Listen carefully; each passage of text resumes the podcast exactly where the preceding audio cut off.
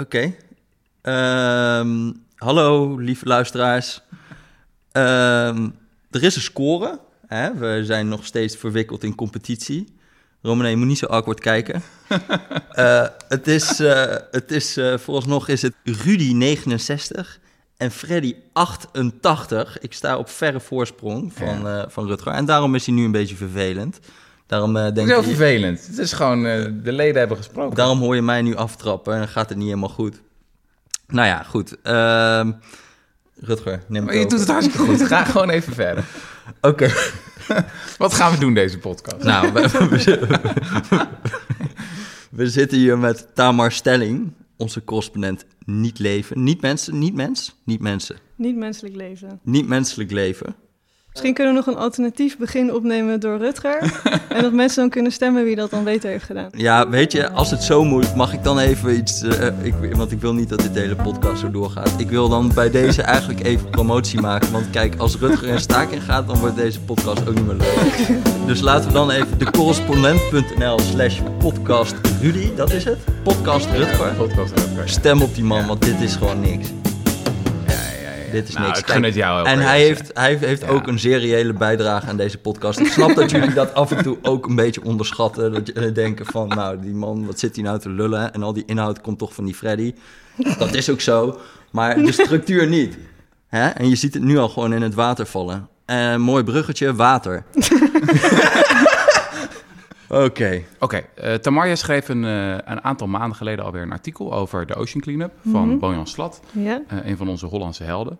Eh, die heeft een plan een aantal jaar geleden alweer gelanceerd. Toen hij zat, hij volgens mij nog op de middelbare school toen. Of was Ja, hij noemt het altijd eh, het meest uit de hand gelopen profielwerkstuk ooit. Oh ja, ja, ja. ja. Ja. Nou, dat is een vrij goede, goede pitch, zou ik zeggen. Maar hij heeft volgens mij wel nog het eerste jaar van een studie in, aan de TU Delft gehaald... voordat hij dat dan liet zitten Oh ja. voor dit project. Eh, het plan is plastic opruimen in de Ja. oceaan. Ik moet Ja. eerlijk zeggen, ik heb het zelf altijd een super sympathiek plan gevonden. Ja, hij heeft ja, een paar ja. keer aangeschoven bij DWDD. Echt Ja. iemand waar je energie van krijgt. Van, Mhm. oké, mensen verpesten de wereld en we vervuilen ons milieu. Maar gelukkig zijn er jonge, slimme, energieke mensen die met oplossingen komen. En die Ja. gewoon denken, we kunnen dit regelen. Eh, maar toen kwam jij eh, Ja. een tijdje geleden langs Ja. eh, met nogal koude douche. Een, een artikel over een reeks van wetenschappers die grote zorgen uitspreken over wat Bojan Slat en zijn team met de Ocean Cleanup aan het doen is. Ja. En ik kan me herinneren, de titel was, ehm, ja, wat is het? Ehm, ineffectief, peperduur en mogelijk een ramp voor het zeeleven. Dus in de eerste plaats ine- ineffectief, omdat het is maar helemaal de vraag hoeveel plastic je hiermee gaat opruimen. En overigens het meeste plastic, ja, het is vooral een rivierenprobleem, want 90% komt ja, vanuit Azië en Afrikaanse rivieren de zee in. En daar moet je het vooral eh, ga- gaan zoeken, de oplossing.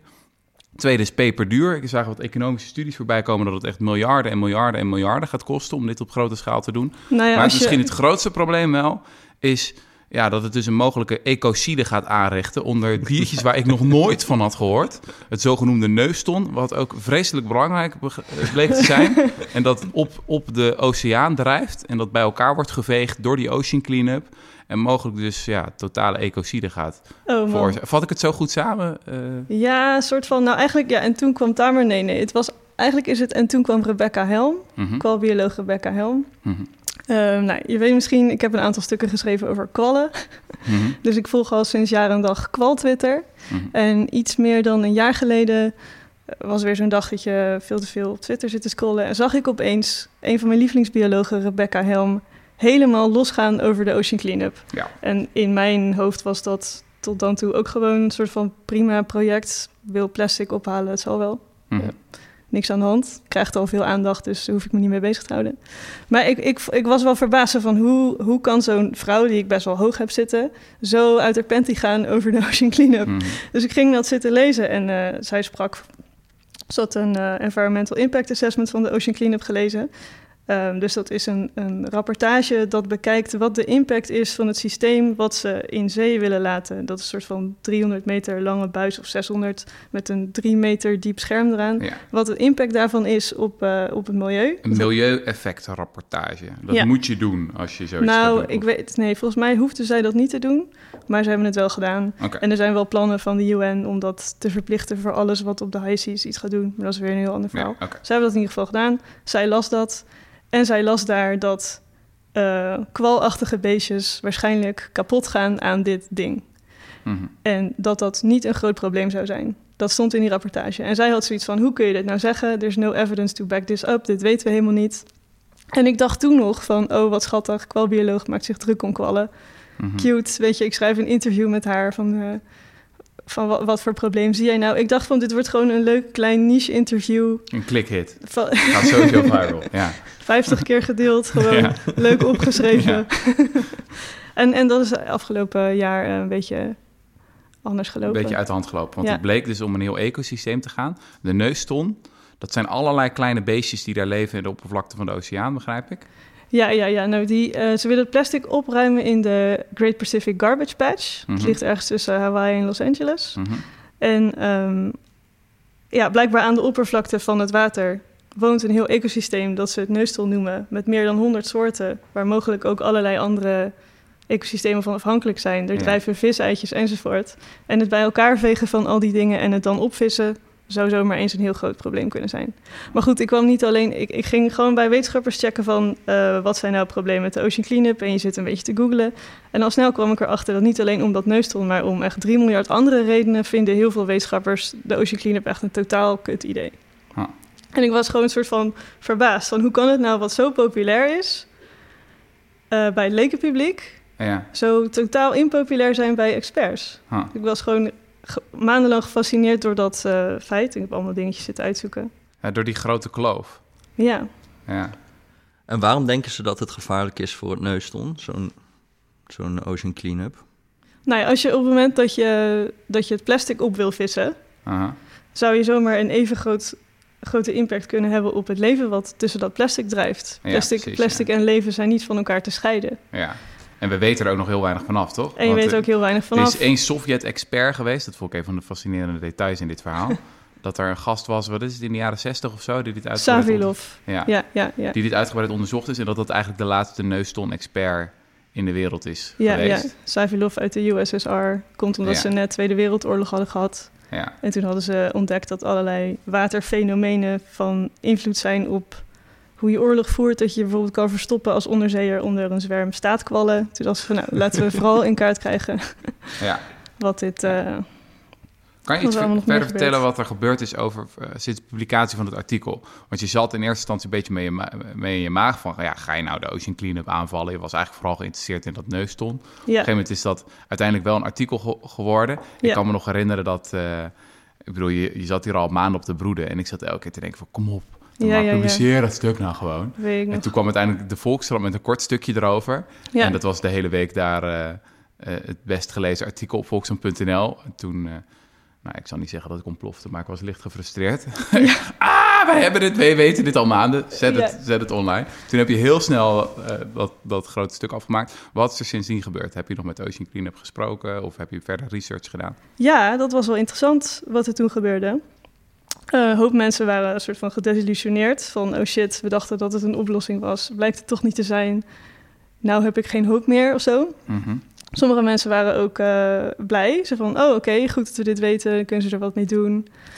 Ehm, maar er waren ook een heleboel mensen boos op mij. Van, ehm, van ja, hij probeert tenminste iets. Eh, moeten we nou overal zo kritisch op zijn? Ja, dat mensen gewoon een beetje denken van... Ja, waarom zit je zo, ga je er zo hard op in? Van ineffectief, peperduur, mogelijke ramp voor het zeeleven. Het was natuurlijk ook wel een beetje irritant dat ik ehm, tijdens het schrijven van het stuk, ik had al die commentaar. En een van de dingen die ik het liefste wilde was het gewoon voorleggen aan de Ocean Cleanup. Ja, En ehm, ja, dat, dat kon gewoon praktisch niet. Ze reageerden niet echt op mijn vragen. nee. Eigenlijk in februari en maart al niet. Dat is ook waarom het zo lang duurde.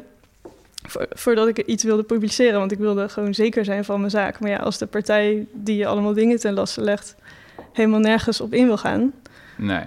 Willen ze dat nu wel? Willen ze nu wel reageren? Want ik kan me voorstellen dat dit artikel vertaald zal worden in het Engels. Nou ja, en dat dat nog vervelender is voor de Ocean Cleanup. ik, ik kreeg dus op een gegeven moment eh, mee dat eh, er vanuit de Ocean Cleanup er een groot document was geschreven met allemaal commentaar op mijn stuk. Aha. En eh, ik heb toen de Ocean Cleanup meteen gemaild van... alsjeblieft, stuur dat ook naar mij. Want we gaan dit vertalen in het Engels waarschijnlijk. En dan kan ik gewoon die nieuwe versie updaten. Ehm, en ik hoorde ook dat allemaal mensen, biologen en eh modelers die bij hun werken... weer contact hadden gezocht met biologen die ik had gesproken. Dus ik denk van nou, misschien zijn ze verder in hun denken of wat dan ook. Mhm. En dan aan de hand daarvan kon ik dan uiteindelijk wel langskomen laatst. Oké. Op het hoofdkantoor van, eh, waar zit dat? In Rotterdam. In Rotterdam? Ik was erbij. Jij was erbij? Ja, Oh, met z'n tweeën naar Bojan. ja. En is dat allemaal off the record of kan daar iets over gezegd worden? Ja, het is allemaal onder record. On the record allemaal. Ja. Dus, dus jij en, en, en Jesse gingen in een kamertje met Bojan. Oh, Oké, vertel, hoe, hoe gaat dat? Hallo, ik heb een eh, nogal vernietigend stuk over jou geschreven laatst. Oh, gezellig. Wil je een bakje koffie? Wat was het sfeer? Ja, zoiets wel. waren lekkere broodjes, toch? Maar eh, ja, gewoon eh, de he- het hele artikel doorlopen eigenlijk. Eh, en eh, eh, toen gingen we eigenlijk het gewoon hebben over wat zij dachten dat er allemaal fout was in dat artikel. En wat er Mhm. niet klopte en wat tendentieus was. En eh, Zoals? Ja. Nou, ja, waar, waar ik dacht dat het de hele tijd een beetje op zat, maar dat is ook wel grappig als je ziet, zeg maar, wat hun marketing is, is natuurlijk van we gaan de hele oceaan gaan we schoonvegen in vijf jaar. En ik geloof dat hij dat, dat, dat, dat, hij dat al in die, hij heeft toen een TED-talk gegeven, Bojan, in 2013. En toen had hij al een soort van plan van ik ga twintig van die apparaten van, eh, met een kilometer brede barrière in de, in de oceaan eh, leggen. En dan gaan we daar eh, binnen vijf jaar is de oceaan schoongeveegd. Nou, Mhm. toen later, toen lukte dat allemaal niet. Toen weer, kwamen weer dat soort beloftes. Eh, dus nu is hij van plan, volgens mij, vanaf 2019 tot 2024 wilde hij het allemaal gaan schoonvegen. Mhm. Met weer een nieuw ontwerp. En dan denken natuurlijk die biologen een beetje van... ja, hallo, je weet helemaal niet wat voor impact dit gaat hebben op dat ecosysteem. Maar als je dan met hun praat, dan... tenminste, dit was dan de chief operating officer... dus degene die het eigenlijk eh, daar... eh, eh, nou ja, gewoon het hele proces begeleidt. ja. ja. Ja, en die zegt dan eigenlijk, ja, rustig maar. We gaan het gewoon één voor één doen. We proberen één ding. Als we erachter komen dat het een enorme impact heeft op dat ecosysteem, gaan we het heus niet doorzetten en bla bla bla. Hm. Maar dan heb je toch, ja, ik weet niet hoe jij dat had, dat eh, maar ik had echt een beetje dat, dat, dat klopt toch helemaal niet met wat jullie belofte is. Hmm. Jullie, gaan dat, eh, jullie zitten al een beetje tegen iedereen te zeggen dat dat binnen vijf jaar wordt schoongeveegd. En zij hadden ju- juist meer zoiets van, nou, dat gaat allemaal zo'n vaart niet lopen en rustig maar. Al kan ik me ook wel voorstellen dat het gewoon een kwestie is van fundraising, toch? Ik bedoel, laten we eerlijk zijn, met de correspondent hebben we dat ook regelmatig gedaan. Oh, we gaan de hele wereld veranderen, we gaan alles doen, unbreaking news, et cetera. We gaan in alle landen over de hele wereld zitten. De journalistiek eh, zal nooit meer hetzelfde zijn. Tada! Ja, je moet wel een beetje oppompen als je, als je mensen enthousiast wil krijgen. Ja, Dus is, is dat nou, ja... ja dat gevoel had Ik heb ik ook wel eens een. TED-talk gegeven, laat ik het zo zeggen. Ja. Wat dacht jij daarbij dan? Nou, kijk, ik zie, ik zie wel het probleem tussen eh, dat je op een bepaalde manier eh, in marketing je belofte onwijs op moet pompen. Eh, wij unbreaking the news. Ik heb ook wel zoiets van, eh, is dat nieuws al eh geheeld? ja, ja, ja. maar, Ja.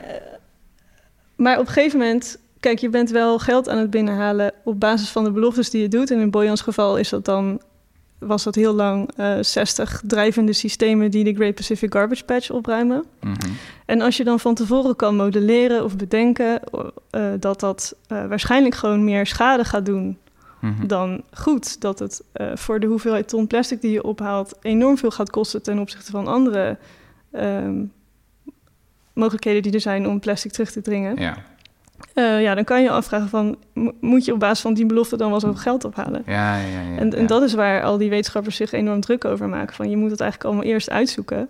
Ja, en dan zitten we bij die, bij die Ocean Cleanup en dan zeggen ze van nou, we gaan alles stap voor stap doen en zo. Ja. En, eh, maar ja, uiteindelijk in het beste geval halen ze dan met dat oceaan plastic ding ehm, maximaal 0,1% van wat we jaarlijks in zee storten 0,1 procent. ja, uit het, uit Als er één zo'n unit in de... 60. Nee, zes. S- Hè? Met Als er 60 van- 60 van die units Ja, in de Great Pacific Garbage Patch rond met alle re- risico's van dien... met alle risico's van dien. Met, eh, wat hadden ze ook weer nodig, dachten ze? 20 miljoen per jaar? Ja, nou ja, ik weet niet meer zo goed wat voor, wat voor cijfer zij gaven. nee, maar we ze- weten ook niet echt waar dat op Hm. gebaseerd is. Nee. Maar goed, misschien... eh, ja, en dan, en dan los je... Dan los je zo weinig vervuiling op. Ja. En het is zo'n klein onderdeel van... Want kijk, het, het kern eigenlijk... Misschien moeten we even helemaal uitzoomen. Maar, maar het kern of het metaprobleem... wat we proberen aan te pakken... of nou ja, het kern of het metaprobleem... los van wat je eraan wil doen... is mensen kopen nou eenmaal gewoon veel te veel spullen... ja. omdat ze te goedkoop zijn en ze gaan veel te kort mee. Want ze zijn gemaakt van slechte materialen en door uitgebuite mensen onder hoge tijdsdruk. Ja. En, en een, een categorie meuk waar we ons eh, dan eh, nu grote zorgen over maken is plastic. En met name die single-use plastics, dus die verpakkingsmaterialen. Flesjes, eh, zakken, dozen.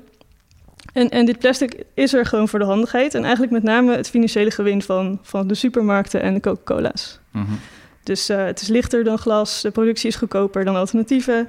Het breekt niet, dus je hebt lagere transportkosten en gaan minder dingen stuk van producent tot aan de winkel, tot aan de klant. Ja. Ja. en de gemeenschap die betaalt eigenlijk de kosten van al die rotzooi. Dus Precies. dat hoeft Coca-Cola en de supermarkt ook Precies, niet dus te kijk, doen. het is inderdaad wel handig om te verwerken, maar, maar, maar de, de keuze voor plastic wordt gedreven door kostenbesparing en winstmaximalisatie van die partijen. Mhm. En niet eh, met in het hoofd het milieu of eh, Ja. wat dan ook. Mhm. Nou, en eh, er er is dus steeds meer plastic. Volgens mij, we maken nu 400 miljoen ton plastic per jaar. Ja. Hè, dus het is niet een verrassing dat veel daarvan dan in het milieu belandt. Ja. Ja. Overigens nog de overgrote meerderheid niet. Of, die komt niet in de oceaan terecht. hè, Nee, nee. Ja. Maar het komt wel overal terecht. Dus eh, in, in poolijs en op de hoogste toppen van de hoogste bergen. Eh, we hebben plastic gevonden in de ruimte en het zit dan ook in zee. En het- Wauw. En het Ja, grappige ook echt is... in diepzee vissen en zo, hè? Van Ja, nou, en, op vissen de, die we dan voor het eerst ontdekken en dan blijken ze al plastic in zich te hebben. Ja, dat... en op de een of andere manier, ik snap ook niet echt precies hoe... maar plastics in zee hebben gezorgd voor de verschrikkelijkste plastic foto's. Huh. Nou, wat heel veel indruk heeft gemaakt, daar is het een beetje mee begonnen misschien... waren foto's van Laisan albatros op het eiland Midway. Dat ligt eh, ook in de buurt van Hawaii. Mhm. Ehm, dat waren gemaakt door die eh, man, volgens mij, het Chris Jordan. Dan zie je allemaal eh, half ontbindende albatrossen en hun kuikentjes. Dus een beetje botjes en veertjes. Helemaal bomvol met bontgekleurd plastic. Mhm. Nou, is het gewoon dat idee van dat die, dat die beesten helemaal omvallen van veel te veel plastic gegeten hebben. Dat Ja. Ja. En dat roept een diep schuldgevoel. Mensen Daarom is Bojan zo vonden- prettig. Mensen vonden dat verschrikkelijk, ja. Ja. En in dat klimaat, ergens eh, begin 2010, kwam Bojan op ja, precies. met, met die vraag eh, in zijn TED-talk van waarom ruimen we dit niet gewoon op? Ja. En mensen hebben een schuldgevoel over hun eigen levensstijl. Ja, ze en ze denken hebben zelf, zoiets ik van, koop veel te veel troep en dat kan eigenlijk doen. helemaal niet. Iemand moet En dan doen. komt er een jonge, frisse gast die zegt, we gaan het gewoon opruimen. We gaan het gewoon opruimen, ja, ja. En eh, het is grappig, want je bent dan al heel ver weg van het kernprobleem eigenlijk. Namelijk wat ik in het begin zei, we kopen veel te veel, Troep. veel te troeperige zooi Ja. Mhm. en dat soort dingen. Dus het- we zijn nu al een soort van afgetaald naar alleen plastic en dan alleen het plastic wat in het milieu belandt. En dan ook En dan- nog alleen het plastic wat in zee belandt. Dus even Ja. sub, sub, sub, sub, En blijft sub, drijven, probleem. En blijft drijven, ja. want 90% zinkt dan ook nog naar de bodem. Dus het is 90% zinkt naar de ja, bodem. waarschijnlijk 99 zelfs, maar het is maar een heel klein percentage wat blijft drijven. En we weten overigens ook helemaal niet hoe schadelijk het is als die plastic eenmaal naar de bodem zinkt, wat het daar dan nog doet, zeg maar. Ik heb ook biologen gesproken die zeggen van ja, dat is gewoon een nieuw sedimentlaagje. En als we stoppen met plastic, komt de aarde overheen en dan hebben we ergens een plastic laag in de aardlaag. Ja, boeien. Dus nou ja, Ja, en die studies van Bojan zelf laten eigenlijk ook zien dat het meeste plastic wat in de oceaan komt, dat komt gewoon, spoelt gewoon weer aan. ja, En, dat, en ook het Precies, dus- overgrote dus- deel van die oceaanplastic was, was visnetten. Gewoon, of geloof ik Ja. de helft of zo. visnetten en, en flesjes die mensen in zee gooien. Ja. Maar als ik het goed begrijp, jouw betoog is, we zitten met een heel groot structureel probleem. Ja, Dat wordt geproduceerd door het mondiale kapitalisme. en daar hebben we dan een, nou, ik- Nou ja, en daar heb je dan een schuldgevoel over met z'n allen. En vervolgens wordt het heel klein gemaakt. En heel, heel specifiek. En daar hebben we dan een, wordt dan een oplossing door bedacht. Die helemaal precies. viral gaat. Ja, en, en de, de kritiek van experts, eh, al vanaf het allereerste moment op dit, op dit sy- Ocean Cleanup systeem, is dan grofweg te verdelen in drie categorieën. Van, eh, Nou, ten eerste, die plasticvanger lost het plasticprobleem niet op. Ook niet een beetje. Wat ik net zei, die 0,1% van de jaarlijkse input in het Mhm. beste geval. En daar zijn ze dan nog niet eens. Ehm, dan kan het project dus mogelijk ook nog nieuwe problemen veroorzaken. Zoals voor de biodiversiteit, maar nou, ook CO2-uitstoot en andere vervuiling. Ja. Daar kunnen we het later nog wel over hebben. En het leidt dus de aandacht af van het echte probleem. Zoals die massaconsumptie en de verantwoordelijkheid van plastic producerende partijen om gewoon hun eigen zooi Ja, op te dat, ruimen. dat is, ik heb ooit eens een boekje gelezen, dat heette Citizen Coke. En dat ging over Coca-Cola. Ja. En eigenlijk was het gewoon één grote gezeik op eh, Coca-Cola, wat die met water en wat weet ik het allemaal doen. Maar daar stond ook een heel hoofdstuk in over... Vroeger had Coca-Cola alleen maar glazen flesjes, heel lang. Ja. En die glazen flesjes hadden ze een eigen soort van recycling systeem. Die werden tijd schoongespoeld en dan kwam er weer cola in en iedereen bracht dat terug. En toen zijn ze op een gegeven moment overgestapt op plastic en aluminium verpakkingen. En toen zijn ze eigenlijk ook... Toen, op een gegeven moment komt er daar natuurlijk rotzooi van, want iedereen ziet die zooi in de natuur. Ja. En toen zijn zij heel erg gaan focussen op opruimacties. Van consumentenverantwoordelijkheid. Ja. Zorg Ja, ervoor ja, dat, ja. die, dat die dingen worden opgeruimd. Ja. Om een soort van maatschappelijk verantwoordelijk te lijken. Precies. Maar in feite komt het erop neer dat zij niet meer de kosten dragen van die opruimen. Nee. Dus Ja. om, het, om, het, om die kosten neer te leggen bij individuen is eigenlijk gewoon heel pervers. Ja, dus je Want jij bestendigt- veroorzaakt ja. dat probleem door die verpakking eh, te kiezen. Ja, dus je, be- je, je bestendigt het idee dat wij als, eh, als maatschappij verantwoordelijk zijn voor onze plastic troep. Aha. Terwijl eigenlijk zo'n producent gewoon andere dingen moet, eh, moet kiezen. En, en Boyan zit met zijn Ocean Cleanup natuurlijk helemaal in dat frame. Ja. En ik dacht, eh, ik, ik kan me zo voorstellen, de Ocean Cleanup is natuurlijk best wel een nieuw soort van fenomeen. Een soort van private partij die bedenkt, we willen, het, we willen de aarde beter achterlaten dan we hem vonden. Mhm. En ik hoop ook dat het echt gebeurt. Ik kan me zo voorstellen dat steeds meer mensen zo'n initiatief beginnen. Mhm. Maar dan is het natuurlijk wel belangrijk dat ze daarmee niet meer problemen veroorzaken dan ze hoopten op te lossen. Ja. Ik bedoel, er zijn, er zijn een hoop problemen die eerder gedacht werden oplossingen te zijn voor bepaald voor iets. Ja. Dat het dan uiteindelijk helemaal. ja, en je noemde het een fake solution. Dus je hebt fake news en je hebt fake solutions. Ja, eh, ik was dus allemaal aan het researchen. Toen vond ik een paper en dat heette eh The Plastic Distraction. Mhm. En dat allemaal mensen zich aan het ergeren waren over dat het altijd gaat over plastic in de oceaan. De plastic afleiding. Ja, precies. Het is een, ja. Terwijl belangrijker is eh, dat de oceanen verzuren, dat het opwarmt en dat er allemaal dat soort dingen misgaan. Ja. En toen vroeg ik me af van ja, inderdaad, hoe verhoudt dat plastic probleem zich nou tot andere problemen die er zijn? Mhm. En toen vond ik eh, zo'n eh, overzicht, een soort van taartdiagram, het heet Planetary Boundaries, Mhm.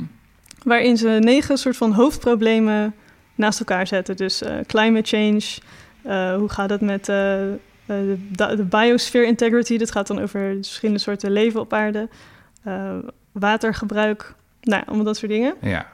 Gewoon grote thema's die soort van Ja. leven voor mensen en dier op aarde Ja. mogelijk maken. En toen, en toen kwam ik, eh, toen nou, dacht ik na over de Ocean Cleanup. En ik dacht van, oké, dat is wel grappig. Want in één zo'n taartpuntje, het Novel Entities taartpuntje, plastics, Ja. lossen ze mogelijk iets op.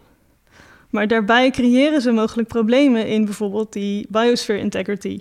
Omdat er Ah, dan beestjes aan doodgaan. In andere taartpunten. Of misschien in het eh, opwarming Ja. eh, gedeelte, omdat hun CO2-voetafdruk hoog is. Of misschien als ze die plastics die ze verzameld hebben gaan recyclen, dat kost heel veel water.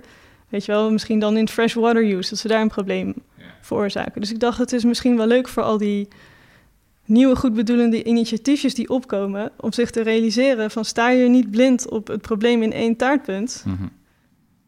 Want die andere dingen zijn er ook. ja, probeer wat holistischer te denken. Ja, precies. Denk gewoon, er zijn een reeks van Ja, planetaire grenzen. is dan volgens mij de juiste vertaling. ja probeer waar een we over na moeten denken. op te lossen in de context van alle andere problemen die Ja. er zijn. En het feit dat iets heel visueel is, Ja. dat je al goede foto's oplevert, wil niet meteen zeggen dat het ook het grootste probleem is. Ik vind het met de komkommer altijd grappig. Ik hoorde laat iemand vragen van ja, die komkommer... Kom maar. Nee, maar die komkommer heeft nou ook al plastic, eh, Ja, ja, eh, ja. weet je wel? Ja. misschien is dat wel prima, want dan blijft die, plastic, die komkommer langer houdbaar. En dan hebben we minder voedselverspilling. En dan Ja. hebben we minder CO2-uitstoot. En weet ik veel wat. Ja, misschien ja. gaat dit voorbeeld niet op hoor. Maar het is gewoon, als je Nou, heel erg focust op het zichtbaar. het is inderdaad Ja. zichtbaar, maar wat het ook is... Ik had laatst met een fondsenwerver erover van, eh, van een NGO. Mhm. Die zegt, ja, mensen willen nu alleen nog maar geld geven aan dingen met een duidelijk handelingsperspectief. Dus Mhm. er is te veel plastic, ruim plastic op. Er zitten meisjes in de, in de prostitutie en de sekshandel. En er is een NGO die zegt, red tien meisjes uit de, uit de sekshandel. En, eh, Mhm.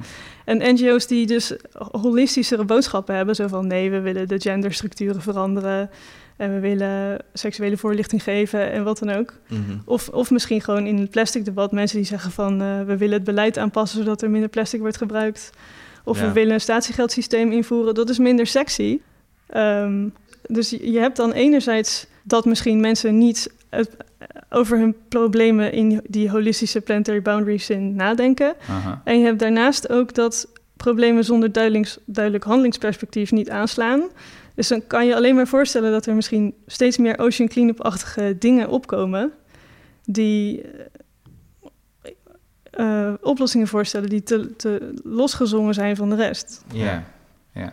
Dus dat het probleem eigenlijk groter wordt in plaats van kleiner. Dus ik, ik, ik zou lezers soort van willen trainen van... Ja, probeer steeds uit te zoomen. Ga steeds Ja. terug naar wat is het grootste. Maar het is ook een beetje deprimerend als je zegt, weet ik veel, we willen dat er een Europese richtlijn komt over plastics. Dan is het, bij, is het voor de meeste mensen zo van, oké, wow, eh, wow, Ja. laat maar.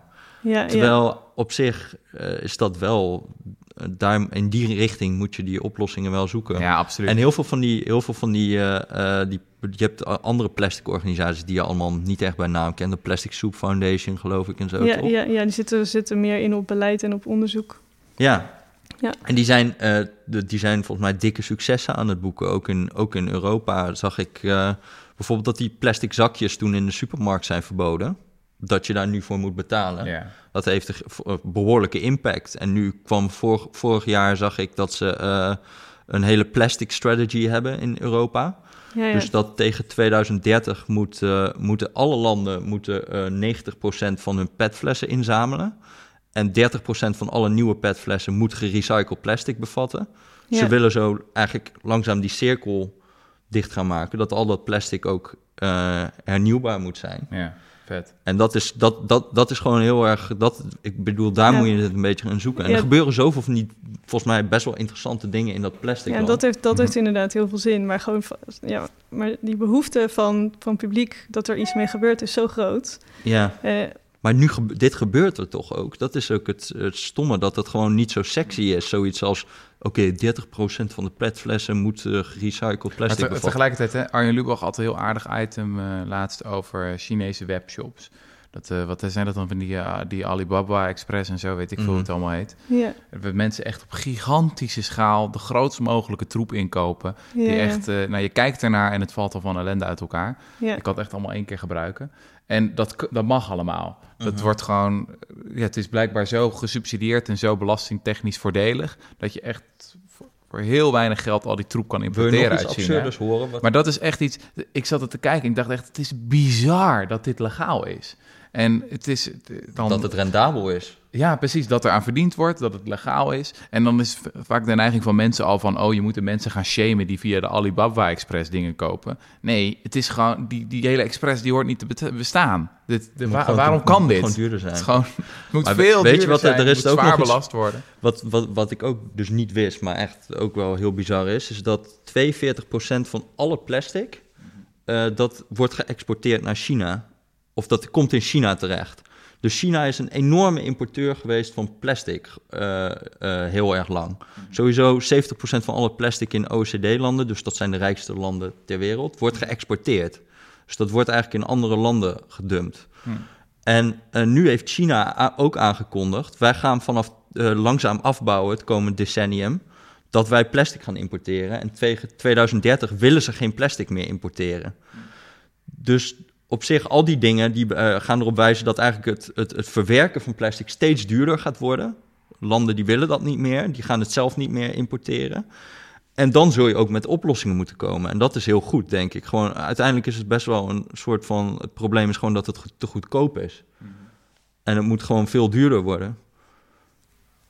ja. En eh, ja, ja dat, daar zijn sommige organisaties veel beter mee bezig dan zo'n, dan zo'n Ocean Cleanup of zo.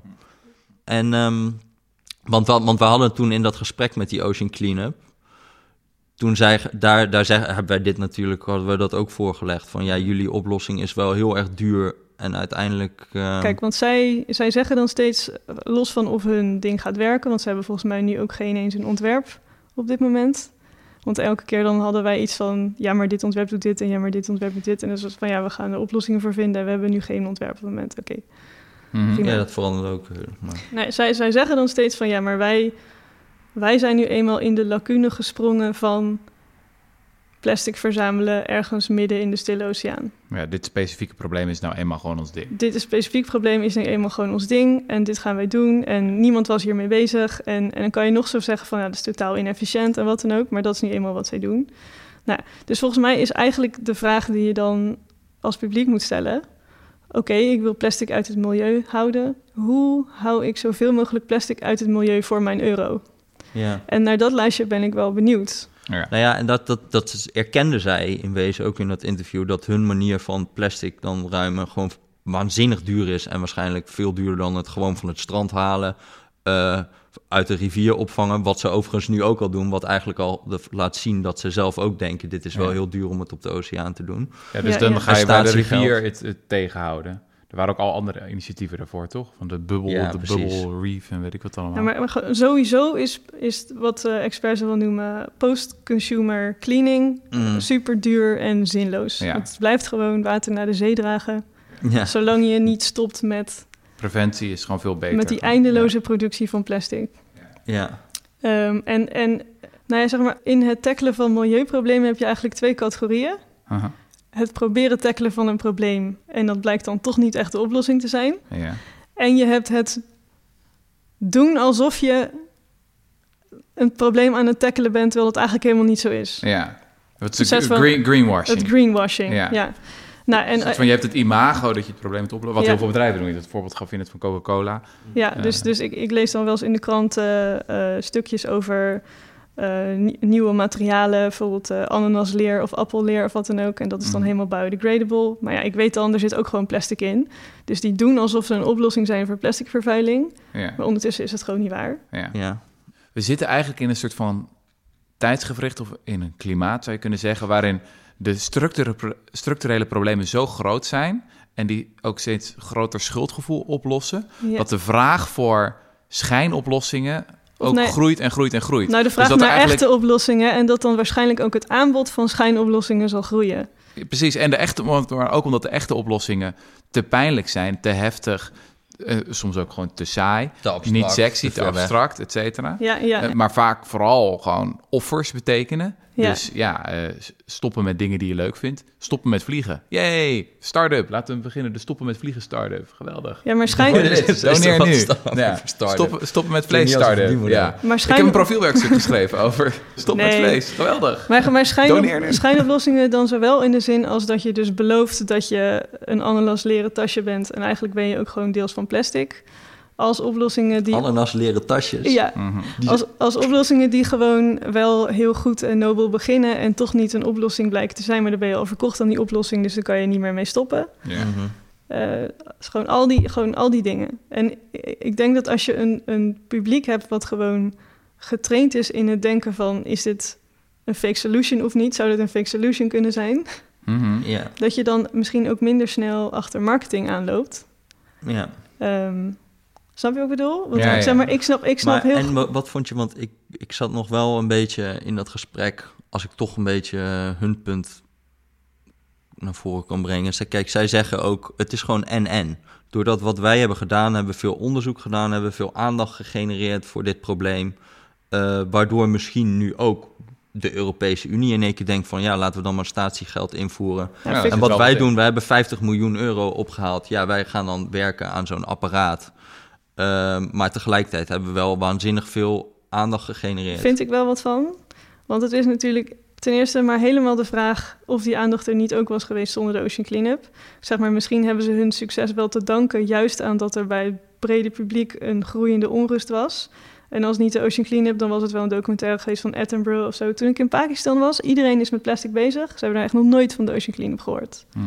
Weet je wel, dus, dus het is maar helemaal de vraag of je... Plus, eh, oké, kan je zeggen van... nou, we hebben dan nu eh, meegeholpen aan die awareness. Prima.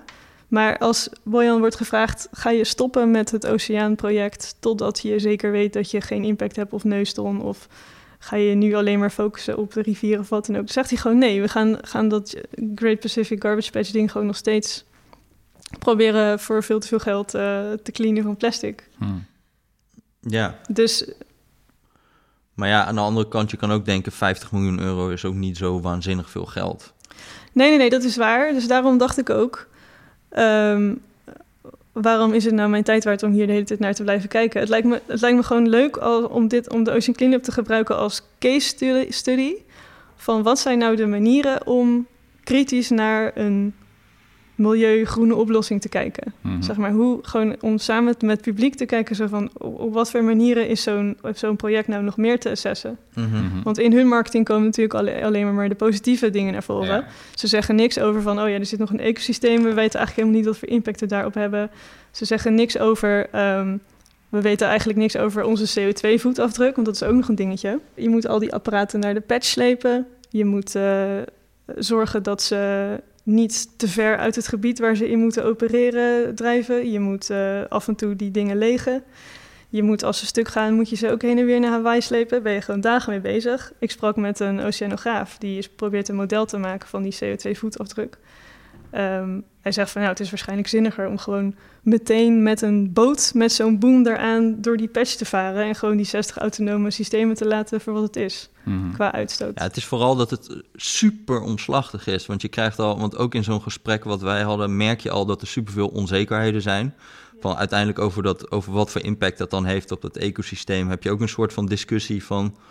Ja, we weten niet hoeveel er zijn en waar ze dan zitten. Dat weten we dan alle twee niet. En dan zeg jij, maar jij weet dat niet. En zij zeggen, ja, maar jij ook niet. En dan zit je een beetje zo'n discussie Nou, maar, te hebben. Ja, maar dat vond En dan ik... zeg ik, ja, voorzorgsprincipe hebben we toch in de Europese Unie. Je gaat niet iets doen zonder dat je weet wat de impact is. We mag, je mag ook niet zomaar eh, eh, een of ander nieuw materiaal op de markt brengen... zonder dat je daar goed onderzoek naar hebt Ja, gedaan. maar wat het waarom zouden we dat hier dan wel accepteren? En dit- waarom in- moeilijk doen als het ook makkelijk kan? In dit Bovendien. stuk waar ik, waar ik heb geschreven, eh, wat ik heb geschreven hierover, zegt geen enkele wetenschapper dat ze het weten. Ze zeggen alleen dat er eh, goede redenen zijn om te geloven dat er zomaar eens een grote impact zou kunnen zijn. En ze zeggen ook dat ze dat al zes jaar zeggen. En dat de Ocean Cleanup echt al lang al had kunnen kijken of die impact er nou is of niet. En dat is niet alleen op een neuston, maar dat is ook misschien dat, de ocean, dat eh, die drijvende dingen ook functioneren als een fish aggregation device. Dus nou, ja, al- alles wat in het water ligt, trekt leven aan. Ehm, wat in het water drijft. En vissers weten dat. En die gebruiken fish aggregation devices. Die flikkeren ze in het water in de hoop... Die vissen vinden het gewoon interessant. Die zitten in de oceaan, die denken, Precies. niks te doen Die hier. dat nee, dat is wat. Even Ja. kijken wat het is. Nou, precies. Dus vissers gebruiken fish aggregation devices om vis aan te trekken. Ja. En dan gooien ze zo'n eh, plastic eh, ding in het water en zetten ze een zender op. Ja. En dan gaan ze een tijdje later kijken hoeveel vissen eronder zitten. En dan vangen ze het zootje in één keer weg. En, en ehm, zeg maar, toen, te- to- terwijl ik dit stuk schreef, was nog onduidelijk of de Ocean Cleanup, of die Wilson functioneert als een fish aggregation device. Er waren wel zorgen over. Mhm. Maar de wetenschappers die die zorgen uitspraken wilden niet met mij spreken. En Ocean Cleanup wilde er ook niks over zeggen. Maar ehm, toevallig, vlak voordat wij gingen praten bij de Ocean Cleanup... kwam eh, de master thesis uit van de student die dit bekeken heeft, Bree Gibbs. En die schrijft van... eh, het ding functioneert inderdaad als een fish aggregation device. Mhm. Dus dat betekent dus dat het vissen aantrekt. En dat betekent dus ook dat als je zo'n ding hebt met allemaal stukjes plastic erin, je trekt vissen aan, dat je mogelijk die interactie tussen leven en plastic alleen maar verhoogt met je apparaat. Hm. Want die gaan dan natuurlijk zitten eten en het leven zit er tussendoor. Dus zeg maar, zo waren er allerlei eh, kritiekjes van wetenschappers die ik heb achter elkaar heb gelist in dat stuk. Ehm, en, dan, ze- en, dan, en dan zeggen zij van, eh, van ja, je, je, je snapt het niet of eh, het klopt niet of wat dan ook. En dan hoor ik Bojan ook, eh, even kijken, die, die zegt dan in de Volkskrant en bij de Wereld Draait Door zegt hij allemaal dingen daarover. Van ja, even kijken, wat zei hij? Eén schip doodt meer plankton dan tien van dit soort clean-up systemen. Of, Is dat zo? of hij zegt, even kijken. Het gaat hier om drijvend plankton dat met de miljoenen natuurlijk aanspoelt elke dag weer op kustlijnen. Die zijn geëvalueerd om dat aan te kunnen. Elke paar weken heb je weer nieuw plastic. De impact van ons systeem is niet nul, maar is vele malen kleiner dan de duizenden schepen die door de oceaan varen. Dus hij heeft allemaal statements over. Zeg maar, jij zegt net dat ze het allemaal niet weten, maar hij, hij, hij, hij gooit gewoon constant statements de media in waaruit blijkt dat hun impact klein Nee, is. maar precies. Dat is gewoon die marketing van hun loopt helemaal uit. Maar, hij, maar hij kletst gewoon echt uit zijn nek, want dat weet hij helemaal niet. Hij weet dat niet. Eh, die Lonneke die we gesproken hebben, weet dat niet. En ik heb toevallig gisteren hun neuston-expert gesproken. Mhm. Wat volgens mij de man is waar die eh, dit, dit soort statements vandaan eh, haalt. Gerard Mhm. Herndl. eh, expert die ze zelf aan mij aandroegen van ga, ga met hem praten. Want hij, is, hij ziet het anders dan de biologen die jij gesproken hebt. Dus dat is goed voor de balans in je stuk. En hij Mhm. kan het wel uitleggen. En uit zijn, uit zijn eerste mail die hij mij eh, stuurde... Even kijken hoor, daar zegt hij ook al van die dingen. Van nou ja, n- Newston organisms are adapted to a high loss rate. En um, the positive aspect definitely prevails over the negative impact of the Newston. En your article has a very negative tone. En dan, ik heb anderhalf uur met hem gesproken. En dan vraag ik aan hem van... Oké, waar baseer je dan op dat die impact kleiner gaat zijn? Of zo klein gaat zijn? Waar baseer je dan op dat er geen probleem is? Mhm. Dat baseert hij nergens op. Dat is gewoon, dat is gewoon een gedachte die hij heeft. Het is Gewoon niet soort op daadwerkelijk empirisch wetenschappelijk Nee. onderzoek of zo. Nee, hij, hij, het is gewoon, hij is af en toe. eh, hij is gewoon wat sceptischer over impact. Hij zegt van ja, elke keer als er een oil spill is of wat dan ook, dan schreeuwen milieuorganisaties moord en brand. Mhm. Maar af en toe valt dat best wel mee. En dat voorspel ik dan dat het mee zal vallen. En dan eh, achteraf hoor je ze er niet meer over. En dan wil ik ze er wel eens op wijzen. Zoals, nou, die oil spill viel best wel mee. En dan, dan is het stil. Dus hij heeft dan nu ook zoiets van, ja, weer schreeuwen mensen moord en brand. Maar het zal allemaal wel meevallen. Hm. Maar hij baseert dat nergens op. Nee. Nou ja, dat hij, hij zegt dus dat al die beestjes zich heel snel reproduceren. En dat ze sowieso al met de, de vleet aanspoelen op kustlijnen. Ja, maar dan dus heeft hoe, hoe aannemelijk is het dan dat, dat M- 60 van die barrières dan een waanzinnige impact hebben? Gaan gezien de hoeveelheid dat Nou, ze toch al kapot gaan. En, eh, Die beestjes die bij de miljarden aanspoelen, of miljoenen of tientallen duizenden, weet ik veel, dat zijn bezaantjes. Dat is maar één soort uit het neusdan-ecosysteem van de ongeveer 100. Die hebben een zeiltje. Die gedragen zich anders dan de rest. Ja, Wat dat ene soort, wat die ene soort zegt over die andere soorten, ja, precies. dat is Ja. natuurlijk maar helemaal de vraag. Het is ook als je een kleine kans daarnaast- hebt op een, op een ecocide, dat wil je ook niet. Ja, Dus als het maar 1 of 2 procent kans is. Maar het is, Het wel, is ook wel- het is ook wel echt bizar dat je merkt als je hierin verdiept... hoeveel dingen we eigenlijk totaal niet weten. Ja, ook over die dat, oceaan, over Dat is- al die Het is beestjes. echt onnufterend, toch? Dat we gewoon zo weinig weten. nou, maar, ja, maar dat is Ze ook... weten niet eens wat er allemaal leeft. Nee, Dat is toch bizar eigenlijk? Ja. Je denkt dat het wel een beetje ontdekt is allemaal, maar... Ja, en- oceaan is gewoon best een mysterie. en ook wat al die interacties zijn. Ja, Ja. Ja, maar goed. En dan is dit nog alleen het ecosysteemaspect. ja. Ja. Maar wat is dan je reactie als mensen zeggen van ja, ik word hier cynisch van en kom op, doet in ieder geval iets, weet je wel, en kom dan zelf met een oplossing. Wat is, wat is dan je, je reactie? Ik voel dan eh, milde irritatie. Want ik denk dan, kom op, shit is gewoon complex. Maar op allerlei andere momenten in het leven houden we enorm van complexiteit. Weet je wel, Mhm. iedereen kijkt Game of Thrones en weet ik veel wat voor moeilijke series er allemaal zijn. En dan, en dan is er een keer een milieuprobleem. Goeie en dan tijd. is het allemaal omvallen zodra het iets moeilijker wordt dan we dachten. Ik denk van ja, nee. Nee, het is gewoon eh, bullshit. Weet je wel, ik ben hier niet al jullie hoop aan het ontnemen. Ik ben, eh, ik vind Moet je eigenlijk. maar een andere correspondent lezen. Nee, maar ik vind eigenlijk. En nee, het is zo. ge- proberen gedegen kritiek te leveren is het grootste compliment wat je iemand kan doen. Mhm. Het is super moeilijk, het kost heel veel tijd. Mhm. Je moet belachelijk veel dingen een beetje doorhebben en snappen. Mhm. Ehm, ja, dit is gewoon alleen maar prettig. Nu kunnen we weer verder of zo. Mhm. En nadenken over dingen die wel gaan werken. Ik snap, ik snap dat fatalistische gedoe eh, echt totaal niet. Nee. Hoe gaat het verhaal nu verder? Komen er nog meer stukken aan? Ehm, oh, daar heb ik eigenlijk nog helemaal niet verteld. Oh, leuk.